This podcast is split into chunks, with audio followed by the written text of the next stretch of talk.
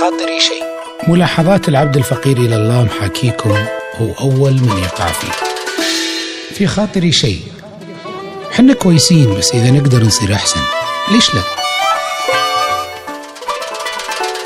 في خاطري شيء.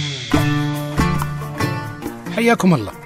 الناس يا جماعة الخير معظمهم يشوفون أو يقسمون البشر بطبيعة الحال إلى قسمين. ناس كويسين وناس سيئين.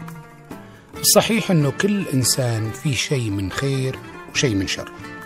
العقلاء يأخذون من الناس أحسن ما فيهم والعاقل بطبيعة الحال هو اللي ما يحد الناس على أسوأ ما فيهم.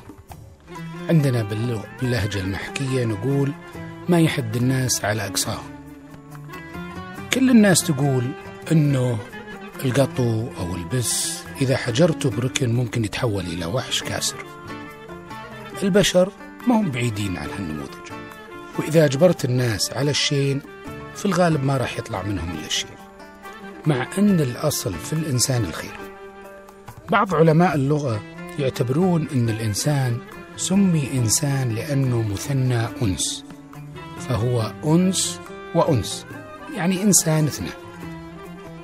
لا تجبر أهلك أو أبنائك أو أصدقائك أو الناس اللي تتعامل معهم على الكذب وحاول أنك ما تحط الناس في امتحانات أو اختبارات قدرة علشان ما تجبر أحد أنه يخطئ. وعزز بالناس الخير دائما وحرضهم على الإيجابيات. قبل ما تنتقل للناس لا تنسى روحك. بها فابدأ.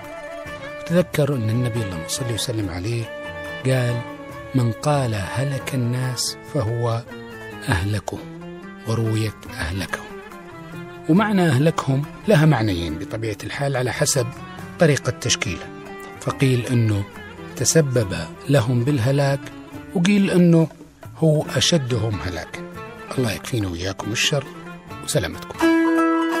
في خاطري شيء. ملاحظات العبد الفقير إلى الله محاكيكم هو أول من يقع فيه.